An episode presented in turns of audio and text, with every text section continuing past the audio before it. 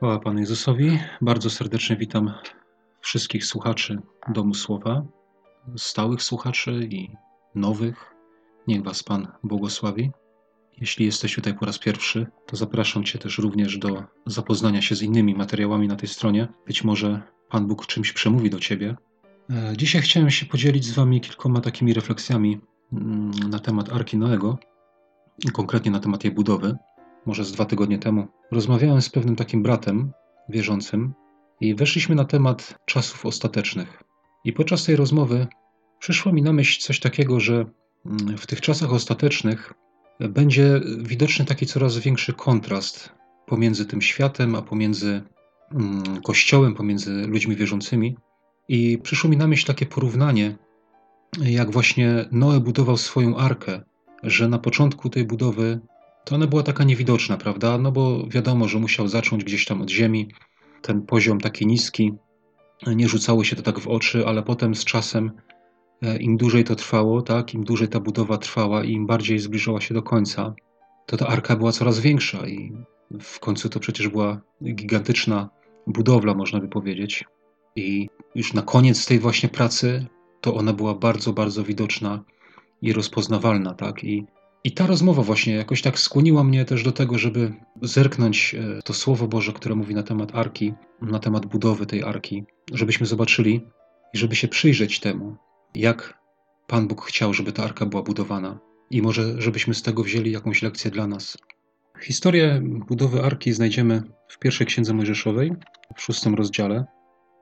I wiecie, jak przyglądałem się też temu tematowi, to zwróciłem uwagę na taką jedną rzecz, że nie wiem jak wy, ale czy słyszeliście, y, bo ja na pewno słyszałem nieraz, takie stwierdzenie, że Noe budował arkę przez 120 lat. I jest to wzięte y, z trzeciego wersetu szóstego rozdziału, gdzie jest napisane, że nie będzie przebywał duch mój w człowieku na zawsze, gdyż jest on tylko ciałem, będzie więc życie jego trwać 120 lat. No i na tym y, niektórzy właśnie oparli tą mm, wersję, że Noe budował arkę przez 120 lat. A ja teraz, jak, e, właśnie gdzieś to też słyszałem e, kiedyś. Ktoś powiedział, prawda, i to tak e, utarło się, zostało przyjęte, i tak jest to powtarzane, jest to powtarzane. Ja też to wielokrotnie powtarzałem, i teraz ostatnio, jak patrzyłem na, ten, na tą całą historię, to zobaczyłem, że nie do końca musi to być prawdą. I dlaczego ty mówię? Tak na marginesie, żebyśmy nie przyjmowali tak bezkrytycznie wszystkiego, co jest nam mówione że ktoś coś powie, ktoś coś powiedział, i potem wielu to powtarza, i, i tak po prostu powstają jakieś takie utarte zwroty, które są rzekomo prawdą, a tak e, w rzeczywistości tą prawdą nie są. I mówię to po to, żeby zachęcić nas do tego, żebyśmy sami gdzieś tam zawsze e, szukali i, i, i modlili się i pytali Pana Boga, tak, i szukali Jego prawdy. To tylko tak na marginesie o tym mówię. E, skąd wziąłem to, że wcale te 120 lat Noe tej arki nie budował. Dlatego, że zobaczcie, piąty rozdział pierwszej Księgi Mojżeszowej i 32 werset, czytamy tutaj, że Noe miał 500 lat, gdy zrodził Sema, Hama i Jafeta. Siódmy rozdział i szósty werset mówi, że Noe miał 600 lat, gdy nastał potop na ziemi. Wszedł więc Noe z synami swymi i z żoną swoim i z żonami synów swoich do arki przed wodami potopu. Tak, czyli 500 lat miał, jak zrodził swoich synów, a 600 lat miał, jak nastał potop i jak wszedł do arki ze swoimi synami. Więc e, tutaj już nie ma 120 e, lat. A co więcej, zanim Noe zaczął budować arkę, to Pan Bóg powiedział do niego: Oto ja sprowadzę potop na ziemię. To jest szósty rozdział i 17-18 werset. I w 18 wersecie mówi: Ale z tobą ustanowię przymierze moje i wejdziesz do arki ty i synowie twoi i żona twoja i żony synów twoich z tobą. Tak? Czyli jak Pan Bóg mówił to do Noego, to jego synowie już byli nie tylko zrodzeni, ale mieli żony, bo o tych żonach tutaj Pan Bóg mówi, że oni z tymi żonami wejdą do arki. Czyli zobaczcie, że e, ja tak sobie myślę, że maksymalnie, nie wiem, mógł Noe budować tą arkę 60-70 lat. Myślę, że 70 by tutaj pasowało, bo tak, bo 70 to jest taka powiedzmy biblijna liczba.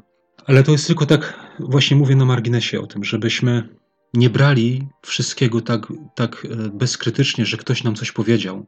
Bo naprawdę o, tym, o tej 120-letniej budowie to ja już słyszałem to prawie każdy to, to, to tak powie, nie? Jak, jakby zapytać kogoś, ile lat Noe budował arkę, to, to zawsze u większości usłyszycie, że 120 lat.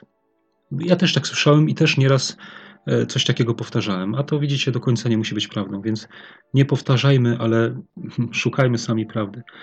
Dobra, może taki trochę przydługi ten mój wstęp, ale powiem tak, że ja wierzę, że my też arkę taką budujemy w dzisiejszych czasach. Jako Kościół, jako wierzący, my też budujemy arkę. I też ona będzie widoczna i powinna być widoczna, tak jak mówiłem na początku. I im bliżej końca czasów, tym bardziej Kościół właśnie musi być widoczny, musi się odróżniać e, od reszty. Pierwsza Księga Mojżeszowa, szósty rozdział, od czternastego wersetu przeczytam. Zbuduj sobie arkę z drzewa żywicznego, zrób komory w arce i powlecz ją wewnątrz i zewnątrz smołą.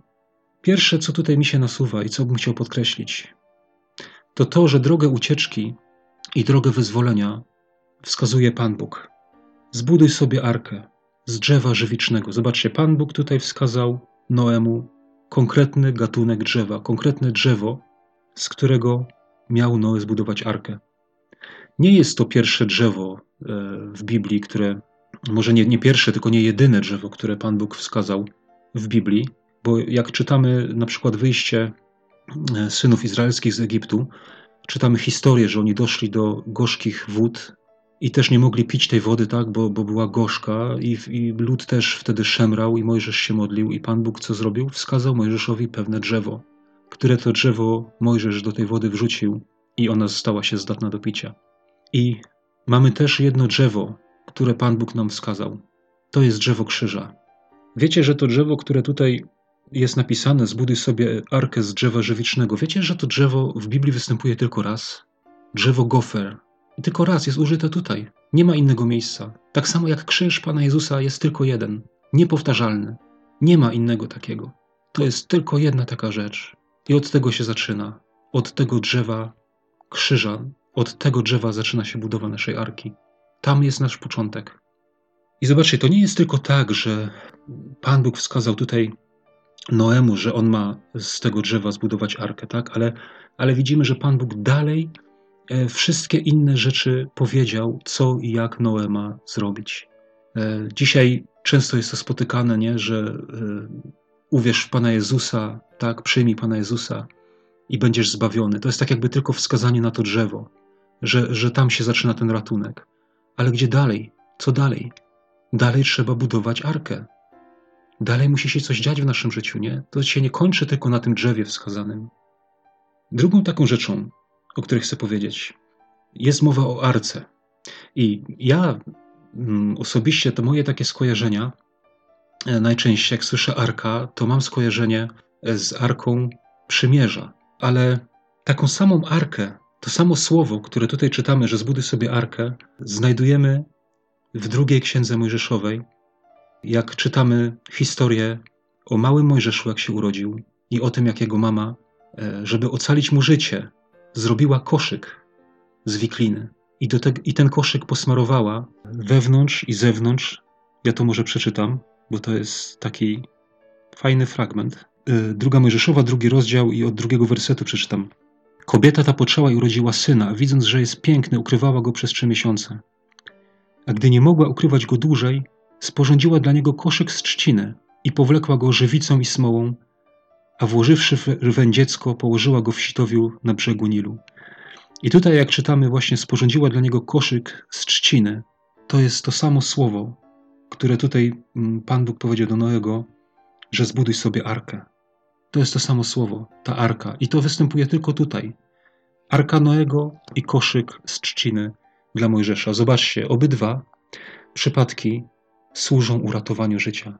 Widzicie, mały Mojżesz nie mógł sobie sam zbudować tej, e, tego koszyka, nie mógł sam sobie zbudować tej arki, e, bo był za mały, ale zadbała o to jego matka.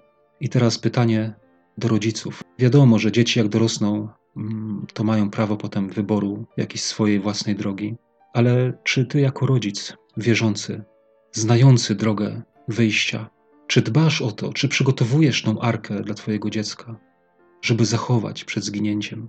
Czy wychowujesz go tak, aby ocalał? Piękny przykład. Zobaczcie, jakie to jest podobieństwo. Nie? Tutaj Pan Bóg mówi do Noego: Zbuduj sobie arkę i powleczesz ją wewnątrz i zewnątrz smołą. Tak samo tutaj czytamy, że matka Mojżesza wzięła koszyk z trzyny i powlekła go żywicą i smołą. Takie podobieństwo.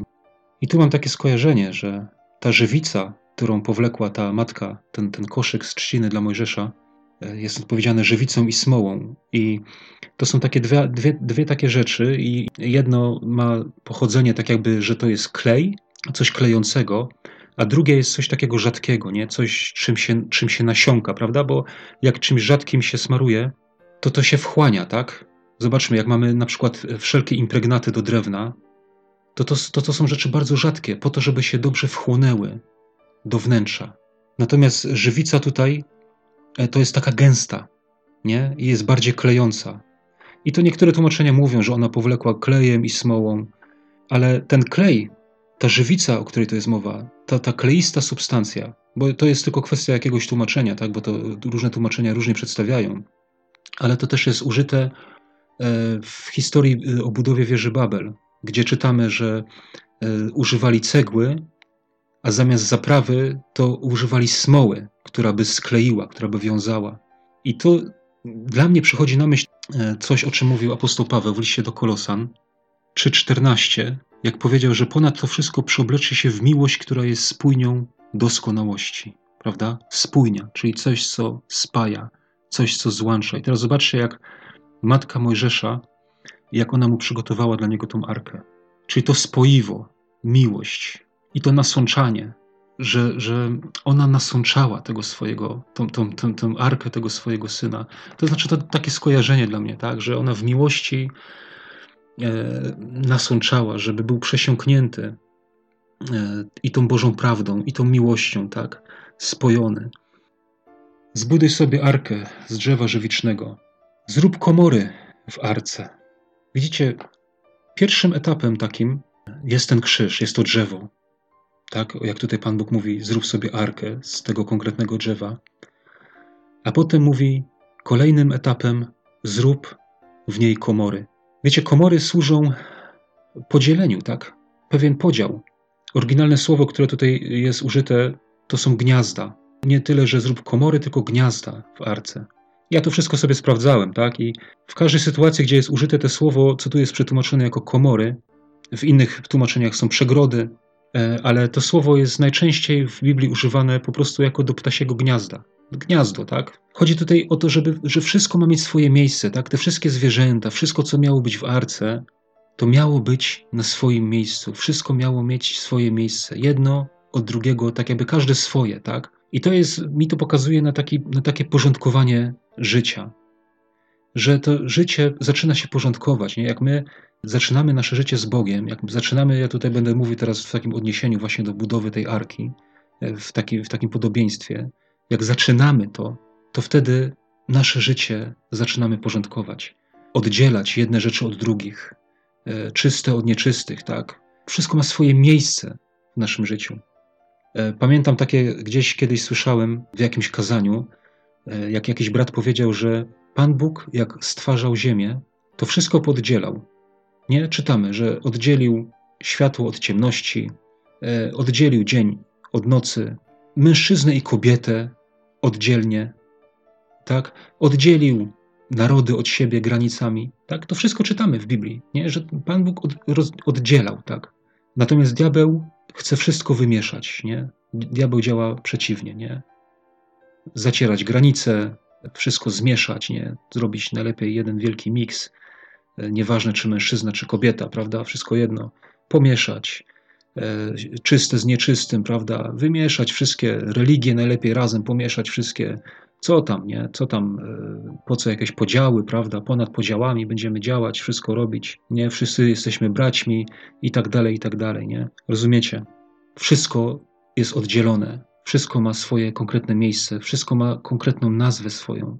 Jak e, Adam zaczął, prawda, jak, jak Pan Bóg umieścił Adama w ogrodzie Eden i, i miał wszystkiemu nadać nazwy, nie? Wszystko miał nazwać po kolei to jest to, to jest to, ten się będzie zajmował tym, ten tym, prawda? Wszystko jest takie, takie uporządkowane.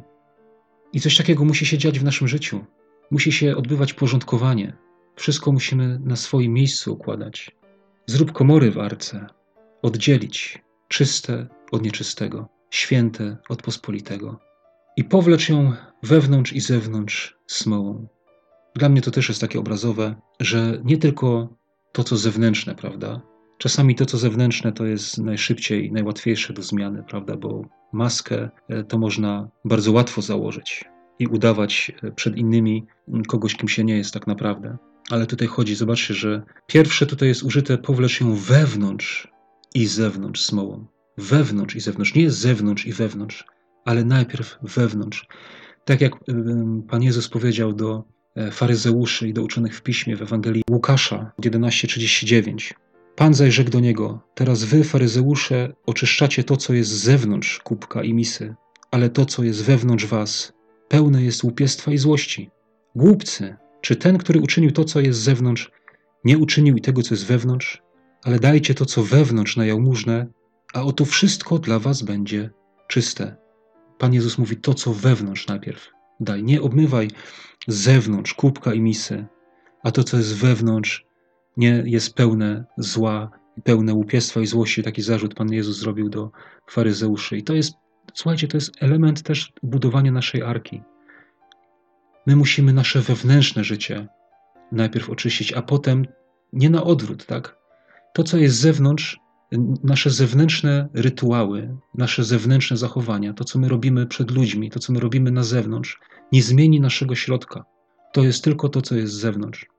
Natomiast jak będziemy zmieniać nasze wnętrze, jak będziemy poddawać i zmieniać swój sposób myślenia na sposób e, myślenia Pana Jezusa, jak będziemy przejmować Boży sposób myślenia, Bożą naukę, tak, z Bożego Słowa, które wypływają, to i to, co jest na zewnątrz, będzie wtedy oczyszczone. Skąd wiesz zatem, czy Twoje wnętrze jest zmienione? No dowiesz się tego w sytuacjach, kiedy jesteś sam, kiedy świat zewnętrzny cię nie widzi. W tych sytuacjach najlepiej jest się przekonać o tym, jakie jest nasze wnętrze. Kiedy jesteśmy sami, kiedy nas ludzie nie widzą. Powlecz ją wewnątrz i zewnątrz smołą. Zaczynamy od wnętrza, od środka, a wtedy i to, co na zewnątrz, będzie czyste. I jeszcze chciałem tutaj powiedzieć to słowo, które tutaj jest, powlecz ją. Sprawdziłem sobie, co znaczy to słowo powlecz ją i byłem zdziwiony, naprawdę byłem zaskoczony i jeszcze bardziej utwierdziło mnie to w tym przekonaniu właśnie, że budowa arki właśnie odnosi się do nas też. Że to nie jest tylko historia napisana gdzieś tam kiedyś, ale że to jest o nas, dla nas, dzisiaj. Ona mówi o zbawieniu, ta historia, o naszym zbawieniu. To słowo powlecz ją oznacza zakrywać, oznacza przykrywać coś. I to słowo jest używane najwięcej razy w Księdze Kapłańskiej. Jak czytamy, że ktoś przyjdzie na, z ofiarą i wiecie, i kapłan weźmie krew tej ofiary i dokona nią czego? Przebłagania. To jest właśnie to słowo. To jakbym mógł tak przetłumaczyć, żeby dla nas było takie może teraz zrozumiałe bardziej to kapłan, wiecie co robił tą krwią? Robił tą krwią, powlecz ją. Tak? Rozumiecie? Ja to tak mówię w tym takim cudzysłowiu, bo tam jest to słowo u, użyte. Przebłaganie. To jest niesamowite dla mnie.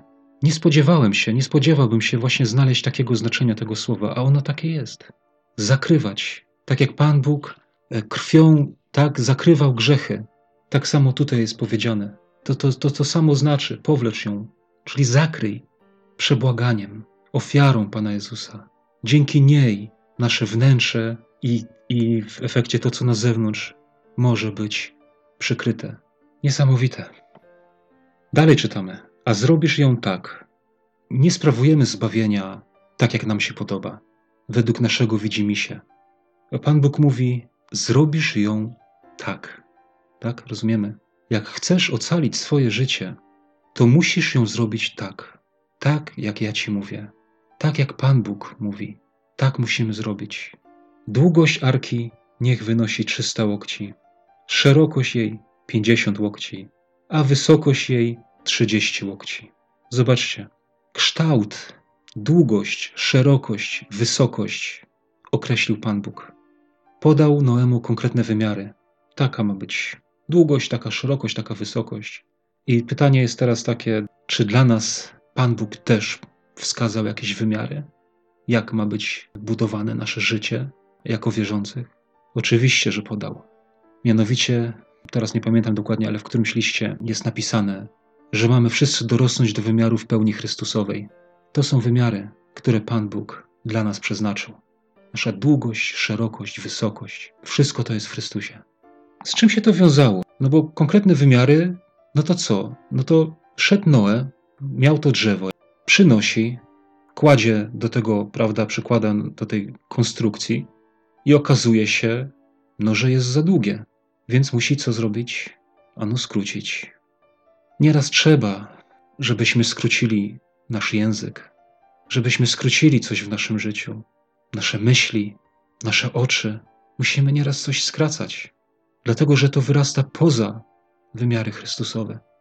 A nieraz Noe przyniósł drzewo, położył, okazało się za krótkie. Trzeba było coś dołożyć. Tak nieraz i my musimy dokładać coś do naszej budowli. Może trochę pokory, cierpliwości, miłości, tak abyśmy dorastali do wymiarów Chrystusowych. Jak zastanawiałem się nad tym, to też właśnie miałem takie, takie skojarzenia z tymi różnymi ruchami, które mają dzisiaj miejsce Gdzieś tam widziałem, na, na, już przestałem to obserwować na Facebooku, gdzieś tam ktoś chodził, skupiał się na wskrzeszeniach umarłych, e, robił filmiki jakieś e, na żywo, jak się modli gdzieś tam w kostnicy, żeby, żeby kogoś wskrzesić, wiecie, i że tam gdzieś potem pisze, że ktoś tam cztery godziny się modlił i nic. Wiecie, ja myślę, tak w mojej ocenie, to jest właśnie coś, co wykracza poza wymiary Chrystusowe. Bo ja nie widzę, Pan Jezus się czymś takim nie zajmował. Oczywiście, że wskrzeszał umarłych, ale nie w taki sposób. Nie tak, że on sobie chciał wskrzesić, tylko jak Pan Jezus powiedział, nie robi nic z siebie, tak? Ale tak jak Pan Bóg, tak jak Ojciec mu każe, tak jak Ojciec go pokierował, tak Pan Jezus robił.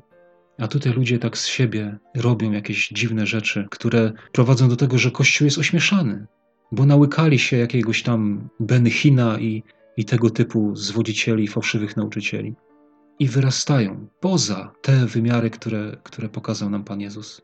Nie chcę się tutaj za dużo na tym rozwodzić, bo to też nie, nie, nie chodzi mi o to, żeby kogoś tam jakoś, nie wiem, e, krytykować czy coś takiego. Ja tylko mówię taki, no chciałbym, żebyśmy byli zdrowi w wierze, tak? Ja sam chcę być zdrowy i, i niczego nie umniejszam, że nie umniejszam wskrzeszeń, uzdrowień i tak dalej, ale, ale naszym wzorcem jest Pan Jezus. Tak więc wracam. Nasza szerokość, nasza wysokość, nasza długość, tak? Wszystko to ma być dopasowane do wymiarów Pana Jezusa, żeby ta arka była trwała, żeby nas uniosła na tej wodzie, żebyśmy się ostali. Werset szesnasty jest napisane: Zrobisz w arce okno i zakończysz je na łokieć od góry. Z boku arki umieścisz drzwi, uczynisz w niej dolne, wyższe i najwyższe komory. Zrobisz w arce okno. I to jest też tak ciekawie przetłumaczone, tak? bo to jest bardzo takie dosyć trudne do, do przetłumaczenia słowo, dlatego że to słowo, które zostało nam przetłumaczone jako okno, ono ma dwa znaczenia takie. Ono ma znaczenie dach i południe. E, I mm, pochodzi od takiego słowa, które, które nawet oznacza oliwę, w tym sensie, że coś się połyskuje, nie? bo jak wiadomo, że jak się mm, posmaruje coś oliwą, e, no to jest liśnienie, taki połysk.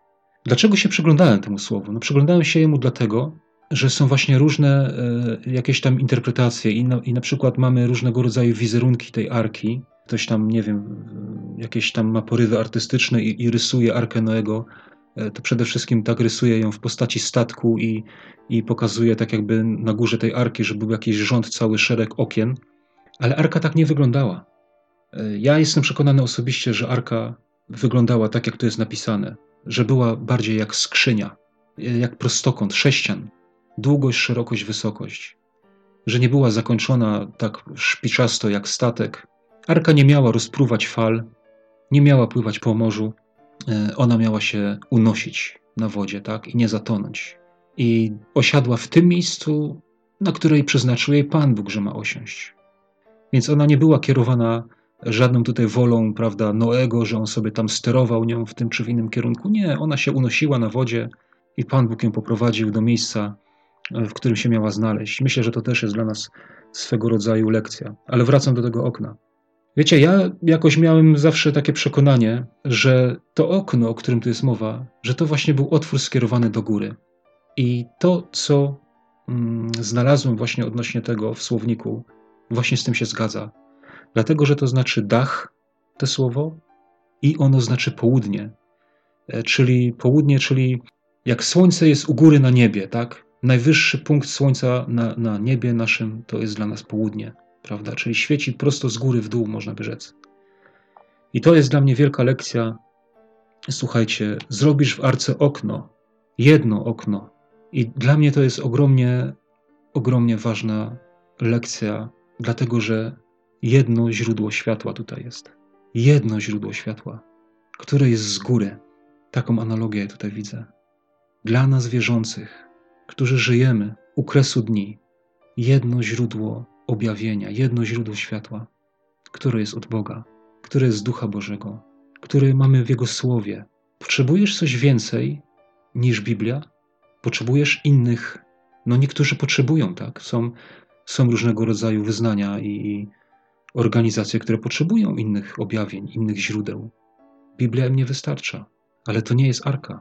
Prawdziwa arka, która ratuje życie, ma jedno okno i jedno źródło światła Słowo Boże. Dalej czytamy: Z boku arki umieścisz drzwi. No i drzwi tej arki, wiadomo, nie? Jak czytamy tę historię, to wiemy, że one były potrzebne do tego, żeby weszły do tej arki zwierzęta, różne gatunki, tak? Zwierzęta czyste, nieczyste. I to, co mam tutaj na myśli, to jest to, że do arki weszło tylko to, co Pan Bóg przeznaczył i pozwolił, aby weszło. To też Pan Bóg dokładnie sprecyzował Noemu, nie? co tam ma wejść. Wiecie, tak samo musimy słuchać Pana Boga w tym wszystkim, co do naszego życia może wejść, a co nie powinno. Zobaczcie, Pan Bóg dał tutaj Noemu konkretne wytyczne. Z nieczystych weź sobie po parze, a z czystych po siedem. Pan Bóg tutaj określił, jakie zwierzęta, w jakiej ilości, w jakich e, proporcjach, tak? Jak to się ma znaleźć w tej arce. I tak samo Pan Bóg powinien, czy powinniśmy z Panem Bogiem konsultować wszystko to, co w naszym życiu, w naszej arce może się znaleźć, a co nie powinno. Dobrze jest się pytać Pana Boga o takie rzeczy. Dobrze jest się pytać, a co z tym? Czy to, czy to mi wolno? Czy to jest dobre? Wiecie, apostoł Paweł powiedział, że wszystko mi wolno, tak? Ale nie wszystko buduje, nie wszystko jest pożyteczne. Więc dobrze jest skonsultować się z Panem Bogiem. Czy to będzie pożyteczne dla mnie? Czy jak będę robił to i to? Czy to będzie użyteczne? Czy to nie przyniesie ujmy dla Bożej chwały, tak? dla, dla, dla Bożego wizerunku, dla tej arki? Czy to nie przyniesie szkody? Kolejną jeszcze taką myślą mam tutaj, że zobaczcie, jest tutaj powiedziane, że z czystych i z nieczystych Pan Bóg pozwolił, żeby weszło. Ktoś by może pomyślał, no to dlaczego nieczyste, nie? Skoro nieczyste, to mogli, mogły nie wchodzić, nie? To mogły zostać zniszczone i tylko to, co czyste by zostało. Widzicie, ja widzę tutaj takie podobieństwo do tego, że my jak się nawracamy, to, to tak jakby to nie wszystko jest usuwane z naszego życia. Są oczywiście rzeczy, które zostają usunięte, grzechy jakieś, prawda, i, i, różnego typu, nie wiem, złe. To wszystko powiem o tak, najlepiej powiem, to wszystko, co nie zgadza się ze zdrową nauką, musi zostać odrzucone, tak, nie, nie wchodzi do nas. Ale są różnego rodzaju rzeczy, które pochodzą ze starego naszego życia i mogą być przydatne w Królestwie Bożym. I tutaj taki, nie wiem, najprostszy przykład e, to jest na przykład muzyk. Nie? Ktoś ma talent do muzyki, potrafi grać na czymś, śpiewać, komponować, to to, jak, jak to robił przed nawróceniem, to nie znaczy, że po nawróceniu tego nie będzie już robił, nie? czy musi zrezygnować z tego, prawda? Może dalej korzystać, ale w innym kierunku, w innym celu. E, czasami są jakieś cechy charakteru nasze, prawda, które mogą być przydatne w Bożym Królestwie. Rozumiecie, to wszystko Pan Bóg może takie rzeczy też wykorzystywać. Jakieś zainteresowania nasze w jakimś kierunku. Oczywiście, dobrze jest skonsultować się z Panem Bogiem, tak jak wcześniej mówiłem. Może niektóre rzeczy może trzeba odrzucić, ale niektóre mogą być bardzo, bardzo też przydatne w Bożym Królestwie. E, I nie, nie należy wszystkiego od razu przekreślać. Dalej czytamy jeszcze e, tutaj, że uczynisz w niej dolne, wyższe i najwyższe komory. I tu chodzi o piętra, tak? To, te tłumaczenia takie nie są takie precyzyjne, bo komory to i wcześniej mówiłem o tych przegrodach, też są tłumaczone jak komory, ale tu chodzi konkretnie o piętra. Dolne, wyższe i najwyższe. I dla mnie to jest pewnego rodzaju hierarchia wartości, tak? Że w naszym życiu powinna być jakaś hierarchia wartości, e, priorytety poukładane prawidłowo. Na samej górze w arce mamy co? Mamy okno, mamy źródło światła. Na samej górze arki. To jest niesamowite, to jest największy priorytet dla nas. E, niektórzy mówią, że na tym właśnie najwyższym piętrze to tam żyli ludzie, na dolnym piętrze zwierzęta, a całkiem na najniższym znajdowały się nieczystości. No i to taka, może taka właściwa hierarchia wartości. Pierwszy jest we wszystkim Pan Bóg, a potem ludzie, a cała reszta jest niżej. Pan Bóg, potem my, rodzina, bracia, siostry, a potem inne rzeczy, potem zwierzęta. Wiecie, przy tych zwierzętach też trzeba było popracować, nie? Czyli to też mogę tak porównać do pracy jakiejś naszej zawodowej. Nie jest ona najważniejszą w naszym życiu. Wiecie, ja z, z uwagi na, na, na charakter mojej działalności, czasami ludzie do mnie dzwonią, chcą, żeby jakieś tam drobne usługi im wyświadczyć, a ja im mówię na przykład, że ja w sobotę nie pracuję. I są ludzie, którzy nie, nie rozumieją tego, że praca nie jest całym życiem, że praca jest tylko elementem życia, tak? Jednym z elementów życia jest praca, a nie jest życiem. Chrystus jest naszym życiem, a reszta wszystko to są dodatki, które powinny być ułożone we właściwej kolejności.